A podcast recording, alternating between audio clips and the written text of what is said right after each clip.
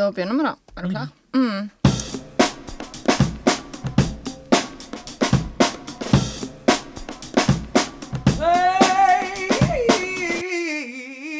Hei igjen, og velkommen til en ny seminarepisode i Padpodden. I dag er hele gjengen samla igjen, endelig. Jippi. Yay! Jippi, Daniel. Endelig er Daniel med på en seminarepisode. Det fortjener nesten eh, en applaus. Ja, kort applaus. Og så har vi med oss en gjest som vanlig i seminarepisodene. Og i dag er det Halvor Tengs, som er student på nordisk, skriver masteroppgave. Og eh, lærer på Dalane videregående skole. Hei, hei. Hei, velkommen. Tusen takk. Takk for at du ville komme. Ja, kjekt, for at jeg ble, kjekt at jeg ble invitert. Ja. Eh, I dag så skal vi snakke om autentiske mottakere i norskfaget. Og hva er det? Ja, autentiske mottakere i norskfaget. Um, jeg har tenkt litt på det spørsmålet siden vi eh, satt det som tema for denne episoden. Og da tenkte jeg på en sånn negativ definisjon av autentiske mottakere ville være alt bortsett fra læreren. For læreren har ofte en dobbelt rolle som mottaker når elevene skriver tekst i norskfaget f.eks. Han skal både lese teksten med et blikk for tekst, altså innhold f.eks., og så skal han i tillegg vurdere teksten på slutten. Og da, det, da oppstår det et problem, nemlig en sånn dobbelt mottakerrolle fra lærerens side. Så en autentisk mottaker blir da en mottaker som ikke har en dobbeltrolle, som leser f.eks. teksten utelukkende basert på innhold. Ja. Mm. Ja. Har du lyst til å legge til noe der? Ja, det er en helt eh, korrekt måte å se det på. Og det er jo et, et, et pedagogisk, en pedagogisk utfordring i, i skolen fordi at vi på den ene sida legger opp til f.eks. Å, å jobbe med norskfaget som et, et danningsfag, et modningsfag, samtidig som elevene hele veien forventer at de skal bli vurdert på det de har levert der og da, og ikke klarer helt å se den den prosessen, den lange prosessen det er å bli en skriver. Så det å ha autentiske mottakere i disse enkeltstående eh, oppdragene som vi gir elevene, er jo nettopp det som kanskje gir mer motivasjon da, og mer læring, tror jeg. Føler du Du har vært lærer på Dalane i noen år nå. Eh, hvor mange, forresten? Oi, eh, ti, tror jeg. Ti år! Ja. Mye erfaring. Altså, Wow. Opplever du at elevene skriver tekster utelukkende til deg som lærer, fordi at de vet nettopp at jo da, det er Halvor som skal lese min tekst? Ja, det gjør de, men det er jo, det er jo ikke elevene sin feil. Det er jo min feil. Å ja. Fordi at jeg lager oppgaver som er designa sånn, og det gjør vi jo hele gjengen. Ja. Vi lager oppgaver som er designa på den måten at elevene på sett og vis Vi kan godt si at ja, her tenk deg at du skal skrive en tale til noen som kommer for å høre om noe som du vet noe om, eller tenk deg at du skal skrive et brev til den og den og den. Men det skinner jo altså det, Elevene skjønner jo at det er jo, ikke, det er jo ikke det de gjør, fordi at de faktisk leverer det inn på It's Learning, og det blir liggende i mappa på It's Learning. Mm. Det er ingen andre som leser tekstene deres annet enn meg. Um, så det, det er klart, det gjør de jo fordi at vi lager oppgaver som er designet sånn. ja. Ja. Og det gjør vi vel egentlig på universitetet òg. Sånn som når vi skriver våre masteroppgaver, så skriver vi det jo med et mål om at det skal vurderes av en sensor. Eh, og ikke nødvendigvis en tekst som skal leses av alle som kan. Sånn burde det jo være, men, men vi gjør jo nødvendigvis ikke det. Jeg tenker tilbake på min egen skolehverdag, hvor få ganger jeg skrev tekster som skulle ha en mottaker som var ut forbi læreren. Jeg husker eh, det var sånn I Egersund da, så har de sånn eh, skrivekonkurranser en gang i året på våren. Så kan du levere inn tekster til jeg tror jeg, kulturskolen. Og så vurderes de tekstene, og så, eh, så vant jeg det ene året, husker jeg. Ja. Og det var første gang jeg hadde en re egentlig en reell mottaker på en tekst. Det, det var i syvende klasse. Det, På, til kulturskolen? ja, Oh, ja. Kulturskolen satte ned et panel, så kunne alle grunnskoler i, i Egersund sende inn tekster. Og så hadde de satt et tema, og så skrev alle elevene innenfor det temaet. Og så trakk de ut og kårte vinnere. Og tenk deg det, at det husker du nå. Ja, ja, Men ja. jeg, men jeg kan jo tippe at du gjerne ikke husker alle de andre skriveoppgavene du hadde i skolen. Nei, stemmer det. Det er en grunn til det, da. Ja. Men jeg, eh, jeg fikk jo beskjed når jeg leverte inn eh, den bacheloren min til eh, veiledning og sånne ting, så fikk jeg beskjed om at jeg måtte liksom avansere språket mitt litt. Jeg skrev litt for ja, for enkelt. Og så tenkte jeg nei, jeg har ikke lyst til det. For jeg vil at uh, den vanlige mannen i gata skal kunne lese det og forstå det. Mm. Så jeg bare dreide det. ja. Men uh, ja, jeg er jo kanskje litt rebell der, da. Det er veldig lat, og- rebelsk når du begynner å ha utelukkende funksjon, eller ja. Kan være latskap òg, jeg skal ikke utelukke det. Ja. Men eh, ja. Men uh, altså, temaet vårt for podkasten har blitt debattert ganske mye i, i skolen. Altså sånn som Skriv-prosjektet, som vi eh, som, eller som norsklærere bør kjenne til, tok opp at god skriveopplæring eh, fremmer formål i undervisning. Mm. De fant ut det at alle lærerne var veldig opptatt av for eksempel, eh, altså av innholdet til tekster, de var opptatt av struktur. Men så glemte de ofte å sette fingeren på at det fins faktisk noen som skal lese denne teksten. Altså funksjonen til teksten. Mm. Mm. Eller formålet, som en har Ja, kalt ja. formålet til teksten. Mm. Ja. Ja. Og når formålet er lærerens blikk, eller lærerens sluttvurdering av teksten, så, så er det klart Jeg skjønner jo godt at elevene ikke alltid er like motivert for å skrive disse tekstene. Mm. Fordi at det er jo Det eneste de blir brukt til, er jo at jeg ser på dem og gir en tilbakemelding, og, Mm. og that's it. Så, Men, men et av de punktene som jeg har retta mye etter, iallfall, er jo om teksten er mottakerbevisst. Sant? Mm. Da blir jo det et slags krasj der. For hvis de skriver eh, til meg, så, blir, så er det jo ikke altså, så er jo ikke nødvendigvis teksten mottakerbevisst. sant? Hvis det, hvis det står i oppgaven at den eh, skal rette seg mot ungdom eller noe sånt, eh, så vil jo de få dårligere Eller ja, et lite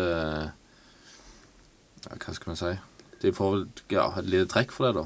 det er et kjempegodt poeng, det, da. Ja. Fordi at vi, igjen tilbake til at vi lager jo oppgaver som, som sier at du skal rette teksten mot en spesifikk gruppe mottakere. Men Ja. hvor kunstig må ikke det føles da, når du sitter og skriver en oppgave som du vet at ikke faktisk blir lest av den som du retter den til? da. Mm. Ja. Blir lest av en lærer, kanskje en lærer som er 30-40-50 år eldre enn den gruppa du faktisk skriver til. Mm. Det er, en mismatch der som ikke funker i det Ja. hele tatt. Du kan jo faktisk argumentere om at da på en måte setter vi opp elevene til å feile litt, da. Ja, Mm. definitivt. Det er jo ikke bra. Men i den sammenheng med autentiske mottakere, så kommer, altså har vi invitert deg, for du har på Dalane videregående skole sammen med kollegaer gjennomført et oppdrag, et oppdrag hvor dere nettopp har satt lys på autentiske mottakere i norskfaget, eller på tekster. Ja, Hvordan hørte du om det, Gunnar? Nei, jeg har litt inside information, da. Fordi Hvor har du inside information fra? Nei, altså, Halvor har da jo arbeidet sammen med min far. Ja, riktig. Ja, Så sånn, sånn kom det. Og en annen Den kollega som heter Britt Elin Lomeland. eh, Som, og for øvrig begge to ypperlige norsklærere og ypperlige kollegaer. Sånn at jeg har sagt det høyt. Hei, Veldig pappa. bra. Men hva, hva tok dere å gjøre? Og på en måte, hvor starta det her eh, prosjektet om å løfte fram autentiske mottakere? Ja. Det starta da vi planla arbeid med kreative tekster. Kreativ skriving. Eh, som alt annet bra som dukka opp i, i skoleverden, så, så hadde jeg eh, lest om noe på Twitter som heter Elevforlaget. Som er et forlag som drives av TV2 skole. Der man kan eh, lage og publisere e-bøker. Eh, det som gjorde når vi planla dette, var at vi la opp til at vi skulle lage ei e-bok basert på elevtekster. Og så gikk vi i gang med, med skriveopplæringen på et vis, der vi, eh, vi henta mye inspirasjon fra ei som heter Gitte Koller, som jobber ved Hadeland videregående. Eh, som hadde mange strategier da, for oss å, for å jobbe med kreativ skriving. Så hadde vi samtidig da gjort det sånn at vi, vi, vi etablerte en elevredaksjon som skulle sitte og jobbe med elevforlaget, med den plattformen, og skulle få inn tekstene. Sånn at når vi jobba i klasserommet, så jobba elevene med ulike typer tekster, øvde på å skrive med, med ulike strategier. og så fikk de sjøl velge ut da, etter hvert de tekstene som de ville sende inn til denne elevredaksjonen, som blir da i dette tilfellet de autentiske mottakerne i prosjektet. Så de var, elevene var ansvarlig for hele prosjektet, egentlig. Absolutt. De var redaktører for si egen bok. Ja, de var redaktører for sin egen bok. Det, altså den redaksjonen som, som satt, de hadde ansvar for ikke bare um, eh, utvelgelsen av tekstene, den, det er jo en hel diskusjon det òg, men, men òg utformingen. De samarbeider med en design- og håndverkklasse der de, der de så på hva slags tekster vil en ha illustrert. Um, og så har de òg vært eh, ansvarlig for brekking av boka, og ikke minst eh, promotering av Nå har vi, vi trykt jo opp eh, sånn at eh, denne boka fins i fysiske eksemplarer, skal har blitt kjøpt opp av Eigersund kommune og skal leveres ut til ungdomsskolen i ulike klassesett. Så da skal redaksjonen rundt også snakke om boka til deg. da. Så det blir en, blitt en veldig stor jobb da, Mm. som du har gjort. Eh, Men utrolig spennende prosjekt, og ikke minst for elevene sjøl. ja. Å få tilgang til egentlig å få levert et forslag der du kan skrive tekst, og så kommer din tekst, hvis du er heldig, inn i ei bok. Hvor mange tekster ble skrevet? Det ble skrevet 118 tekster. Og redaksjonen satt før jul og leste alle tekstene. Du skal sitte i Google-dokumentet som de har med diskusjoner. Jeg synes de, de har gjort en vanvittig god jobb. Um, og så ble det kokt ned da, til 23 tekster som kom med. Det er jo òg for så vidt en, en, eh, en prosess i seg sjøl. Jeg syns de har vært veldig ryddige på at de, de skulle ikke gjøre det til noe en sånn type popularitetskonkurranse. De har satt på en måte sine De har hatt diskusjon om hva er en god tekst.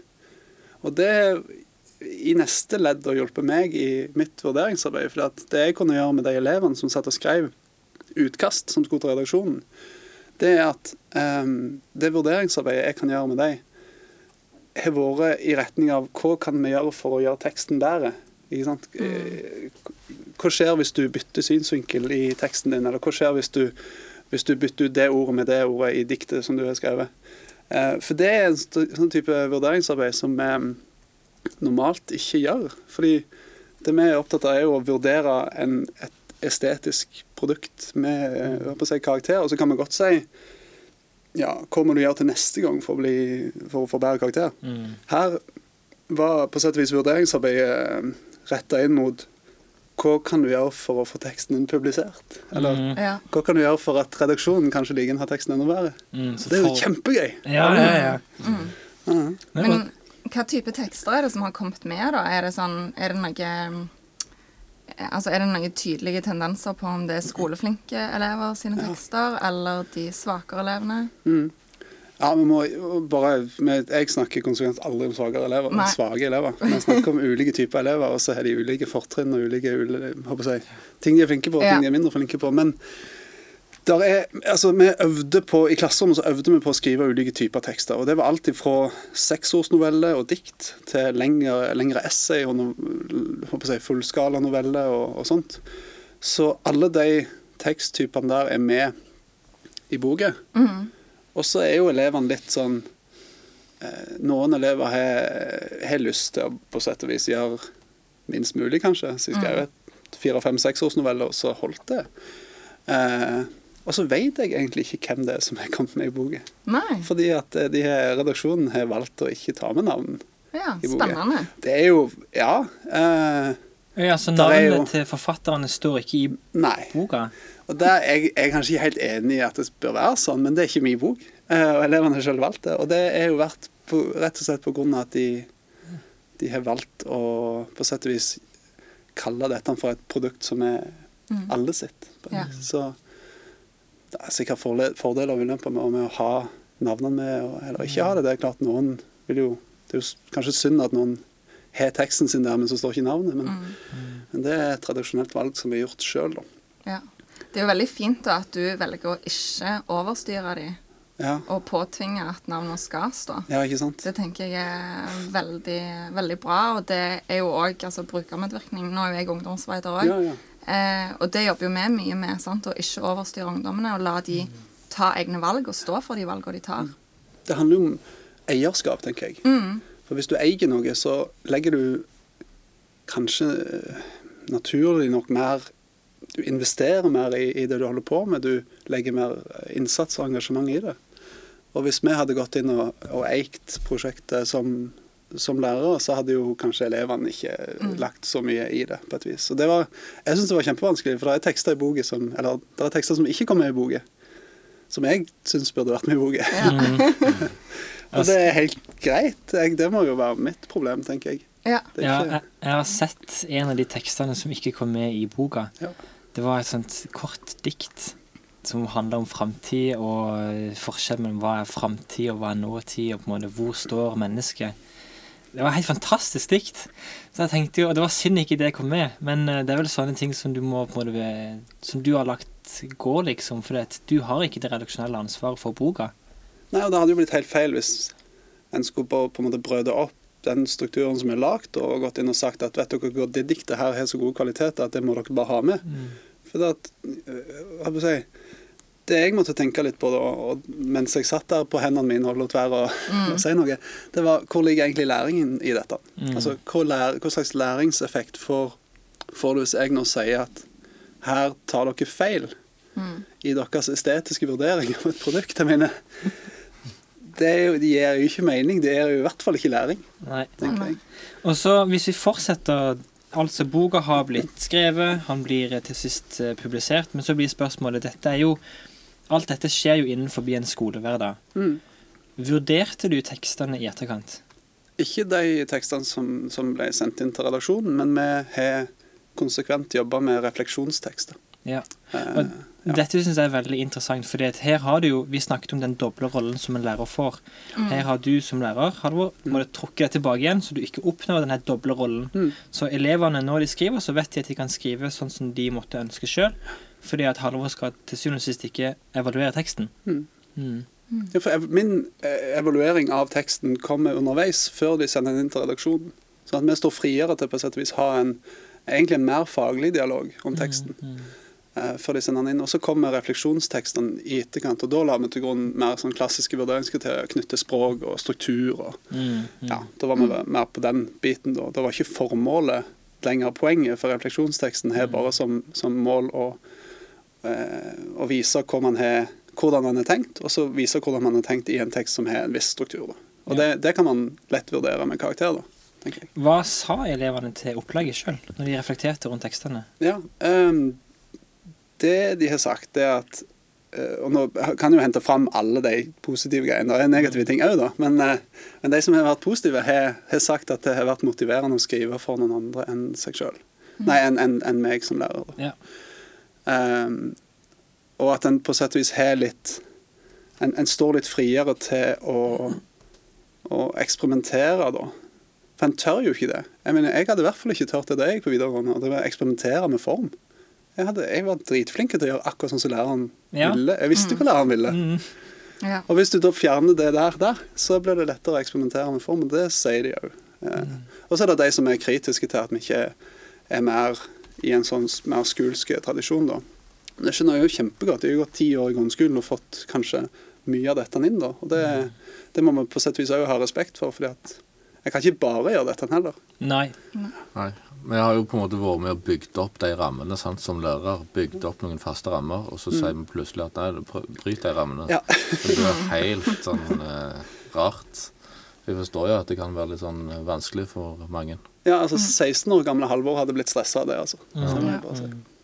Så dette er et opplegg som du har gjennomført i uh, dine klasser. Altså elevene har skrevet tekster som har blitt publisert i ei bok, som da har blitt publisert i etterkant og kjøpt opp av kommunen. Men så vet jeg også at dere har hatt et prosjekt gående der dere har hatt samarbeid med Dalane Tidende, altså den Ja. lokale avisen i Egersund. Kan du fortelle litt om det? Ja, dette går litt parallelt over boka. fordi at eh, Etter at elevene hadde skrevet ferdig tekstene sine og levert til redaksjonen, så gjensto det ganske mye arbeid for redaksjonen. Og det, Den tida en brukte der fram mot en, en sånn yrkes- og utdanningsmesse som vi har på skolen, som heter yrkesmessa, eller noe sånt, Ja. Ehm, den brukte redaksjonen på gjøre ferdig boka. Og så brukte de andre elevene, det er jo tross alt flesteparten av de, eh, redaksjonen besto bare av seks stykk, de brukte den på et, eh, enda et sånn type autentisk oppdrag, der de fikk i oppdrag å intervjue ulike eh, mennesker ute i lokalsamfunnet som har en eller annen tilknytning til skolen. Og titlen, på sett og vis, arbeidstittelen på det oppdraget var 'Hvor er du nå?' eller 'Hvor er du nå?' Og da hjalp vi til Det vi hjalp til med som lærer, da, det var eh, selvfølgelig arbeid med, med intervju som, som sjanger, men også, der trakk vi òg inn kreativitet, kreative tekster, som en del av det. Eh, kan jeg komme litt tilbake til det, for jeg må bare gjennom denne greia Ja. hva de gjorde for oss. Men um, da fikk de altså noen navn. De ble tildelt et intervjuobjekt. Det var det vi som gjorde. Så lot vi de få avtale tidspunkt med disse eh, intervjuobjektene. De dro ut og gjorde intervjuer etter å ha forberedt spørsmål til de. Og kom tilbake og sa at ja, vi hadde forberedt en haug med spørsmål, men det var jo ikke de vi stilte. Eh, og så laga de tekster som de da ikke sendte til oss igjen. De sendte de til redaksjonen i Dalane Tidende. Og vi er jo kjempeprivilegert hjemme fordi at vi er monopol på lokalavisen. Vi driver ikke og konkurrerer med en haug med andre videregående skoler. Men, så vi kunne sende inn tekst, og så får vi tilbakemelding om at jo, her er det mye bra. Det var ei gruppe med to jenter som var kjempeflinke og skrev en lang, lang tekst. Får tilbakemelding fra redaksjonen i Dalane Tidende. Veldig bra, men vi vil ha halvparten. Oh, ja. Kutta ned 50% Men her igjen så oppstår det her mottakerbevissthet. Ja, ja. For da blir de elevene egentlig bevisst på at det skal faktisk være mennesker som skal lese teksten til syvende og sist. Ja, og det har de òg. Igjen så jobber vi med refleksjonsnotat i etterkant. Det er det de Det er de på en måte Det er den tilbakemeldingen vi får. Det var, det var kjempeskummelt å dra ut og kjempeskummelt å intervjue eller avtale intervju. Men i andre enden så er det utrolig motiverende å se at eh, her har vi skrevet noe som faktisk havner i avisen. Og jeg drev og hang opp alle avisklippene i, i klasserommet. Og jeg mener, Det er jo nesten som å blir litt rørt når elevene kommer inn om morgenen og bare ser at wow, min tekst er i avisen. Kjempegøy. Altså, er de der på et vis? Det, jo, det er jo litt, sånn, litt deprimerende, for ingen som ser på det når de får tilbake stilen fra meg. Liksom. Nei, nei, ser- blir ikke hengt opp, for å si det sånn. Nei, jeg gjør ikke det. Det blir en helt annen motivas motivasjon for å gjøre det. Ja, ja, nettopp. Det er jo så uh, gunstig. Ja. Og de syns jo at det å være i avisa eller bidra til noe som så mange leser, er kjempemotiverende. Det ser jeg på, på mine ungdommer òg. Hvis de får muligheten til å stille opp i et intervju om tilbudet i Sola kommune, så springer de jo, sant? for de syns at det er kjempegøy. Eh, Men da blir jo spørsmålet hvorfor loter elevene gå ut i virkelige liv, holdt på å si, intervjue virkelige mennesker, for så å få det publisert i avisen? Ja, igjen, det ble en naturlig forlenging av det arbeidet vi har gjort med, med eh, kreativ skriving. Eh, og for å komme litt tilbake igjen til det jeg nevnte i stad. Altså, eh, grunnen til at vi, vi gjør dette, er jo at i neste ledd, når, når en driver med sånn fagfornying i norskfaget nå, så fjerner en jo En, en tar tilbake en sjangerbegrepet, men en, en gjør kreativitet på et vis til noe som ikke er frakobla de andre typer tekstene, da. Så vi har, vi har kobla kreativitet, eh, kreativiteten på intervjusjangeren på et vis. Sånn at elevene fikk i oppdrag ikke bare å gå ut og, og forberede intervjuer med, med personer som hadde en teknikk til, skolen, men de skulle også bruke en del av de teknikkene som vi hadde jobba med i forbindelse med, med bokprosjektet. Så Det, det ble jo på sett og vis det, da. Og så hadde jo dette en tilknytning til, til yrkesmessa, da, som en forberedelse, der avisen publiserte intervjuer i forkant av yrkesvalgdagen som var på skolen. da. Så de, de genererte jeg tror de genererte 14 sider eller noe sånt. Ja. I- Det må jo være perfekt for den tiden å bare få stoff gratis. Gratis stoff, vet du. Det er jo helt glimrende. Men, men igjen, eh, de, er jo, de har jo hatt et arbeid med dette nå, fordi at de har suttet Det er tross alt de som har gitt tilbakemeldinger på Mm. tekstene. Så nei da. Det er et, et godt forhold mellom skolen og avisen, sånn sett. Mm. Mm. Har du noen sånne eh, interessante anekdoter fra arbeidet knytta til avis og eh, tekster som kom med og sånn? Så interessant at du spør om det. Det har jeg absolutt. Eh, Så bra! Ja da. Nei, men det, eh, det er klart, det var jo Vi, had, vi gikk på en liten smell der. Eh, fordi at det var, det var noen elever som ikke fikk tekstene sine publisert i Daland Tidende. Og det var ikke fordi at de var kvalitetsmessig dårligere enn noen av de andre tekstene. Det var rett og slett en feil som gjaldt at vi ikke fikk sendt inn alle tekstene. Mhm. Eh, og det fikk vi jo behørig høre om i refleksjonsnotatene etterpå, fordi at elevene ble jo oppriktig lei seg, og det er klart, selvfølgelig ble de det. Det er, her er jo tekster som de har jobba mye med, lagt ned masse arbeid, og så har avisen en deadline. Og når en ikke møter deadline, ja, men så blir man ikke publisert.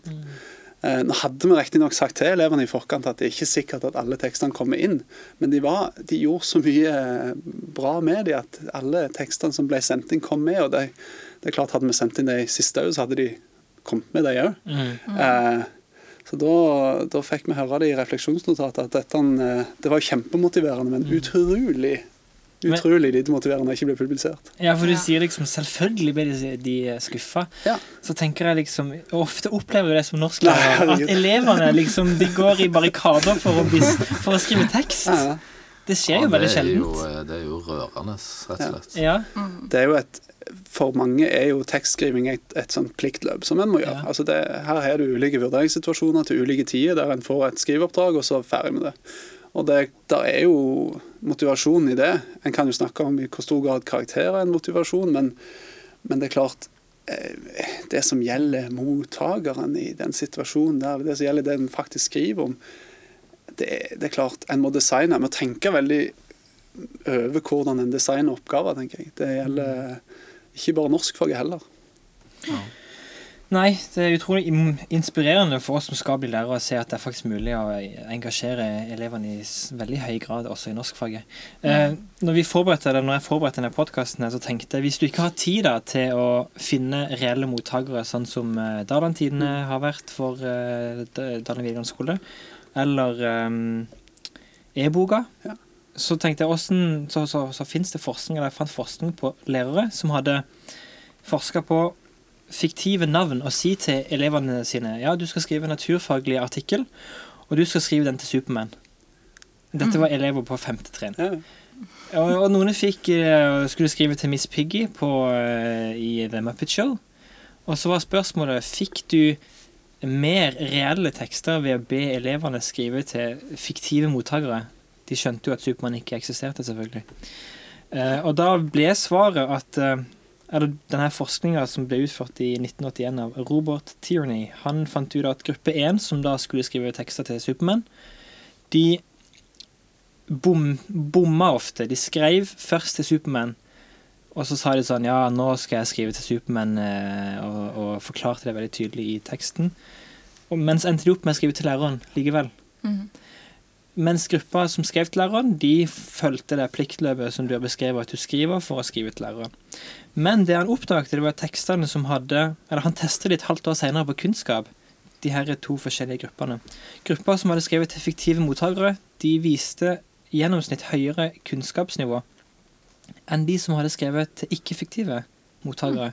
Så på tross av altså på tross at du ikke hadde reelle mottakere, eh, men fiktive, så fantes det en sånn kunnskapsdimensjon ved det hele som løfta elevene. Mm.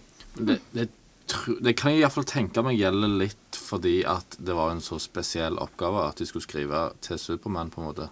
At det er derfor de husker det. Ja, at det blir Hadde, hadde det kun blitt at du skulle skrive alle tekstene du skrev til fiktive folk, så hadde nok den eh, justert seg ned igjen, den, der, den kunnskapen de hadde tilegna seg, tror jeg. Ja, jeg syns det var interessant at de testa de et halvt år seinere. Så tenkte jeg hvordan klarer du å teste kunnskap i eh, desember for noe som har vært i, eh, i eh, august, f.eks. Det er ganske vanskelig. Men, eh, Mm. Og det kan jo være mye tilfeldig. Det Det er jo mennesker som blir testa, tross alt. Men jeg syns det var interessant å se at selv fiktive mottakere kan ha en effekt. Mm. Ja, Mm. det er helt sant. Ja. Spørs, ja, det spørsmålet blir jo til syvende og sist når vi snakket om hva autentiske mottakere, så har du løfta fram to opplegg som du har gjennomført. Så blir spørsmålet til syvende og sist hvorfor er det viktig å jobbe med autentiske mottakere? Og hva vil du svare til et sånt spørsmål? Oh, det er jo det beste spørsmålet å stille, sånn sett.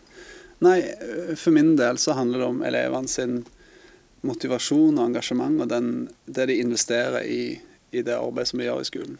For ellers, hvis en ikke har med seg elevene på, på den investeringen på et vis, hvis det bare er jeg som sitter og lager undervisningsopplegg som, som elevene ikke har noe verken forhold til eller eierskap til, ja, så, så tror jeg eller jeg er rimelig sikker på at læringen lider under det. da.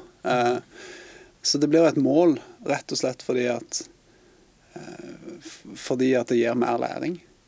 Um, tror jeg. Ja, du løfter fram Ja. egentlig selvbestemmelse i undervisninga. Definitivt. Eh, eh, og det er klart, når, når elevene må ta valg knytt til den skrivinga de gjør, at de ikke på sett og vis kan de, I dette opplegget så kan det ikke være på sett og vis sånn passive respondenter eller passive mottakere av det som vi til enhver tid skulle finne for godt å hive på dem. De, må, de, de må lage det sjøl. Og, og, og da kan du få sjøl de som er minst engasjert og har minst investering i dette prosjektet, har tross alt investert noe fordi de har produsert noe. Mm. Sånn at summen av, av det en får til, blir, blir uansett større enn hvis en ikke hvis en ikke har engasjerte Nei, hvis en ikke har sånn mottakerorientering som er gjort her, da. Men Og så vil jeg jo tro at en Altså, du vil sikkert klare å flytte fokuset fra karakter til det å faktisk få fram ditt budskap. Mm. Og hvis du klarer det, da kan vi jo begynne å snakke om at norsk er et viktig danningsfag. Ja. Fordi at hvis det er det som er fokuset, å få fram budskapet ditt, sant? så kan jo det igjen være med på å skape samfunnsengasjement, og at uh, de får trua på at deres stemme blir hørt. Mm. Og det er utrolig eh, viktig. Eh, Ja, det er ja. sant. Det er et veldig godt poeng. Det gjør han bl.a. masse av på, oppe på Rotthaug skole i Bergen, som heter Terje Pedersen. De jobber konsekvent med, med å gjøre på en måte, læringen autentisk, og ikke, de har ikke den, det fokuset på karakterer. Mm. Eh, når for eksempel, de, hadde, de hadde et prosjekt knyttet til plast, der, der elevene var ute i alle typer fag og jobba med plast. De var, de var nede i Bergen, eh, Bergen sentrum, nede i, på kaien, og så sjekka de hvor mye plast er der uka før sykkel-VM, og hvor mye plast er der uka etter sykkel-VM. Og Sånne ting som, som har noe med verden utenfor å gjøre, da. Ja. Som ikke bare er denne tallkarakteren. Det, det er et kjempegodt poeng. Men det handler også om skolens plass i samfunnet. Ja. For her har du en skole som har på en måte oppsøkt et reelt problem, og så har de gjort noe med det, eller de har lagt opp undervisning knytta til det Mm. problemet. Um, og det tenker jeg også er veldig bra med å løfte fram autentiske mottakere i norskfaget.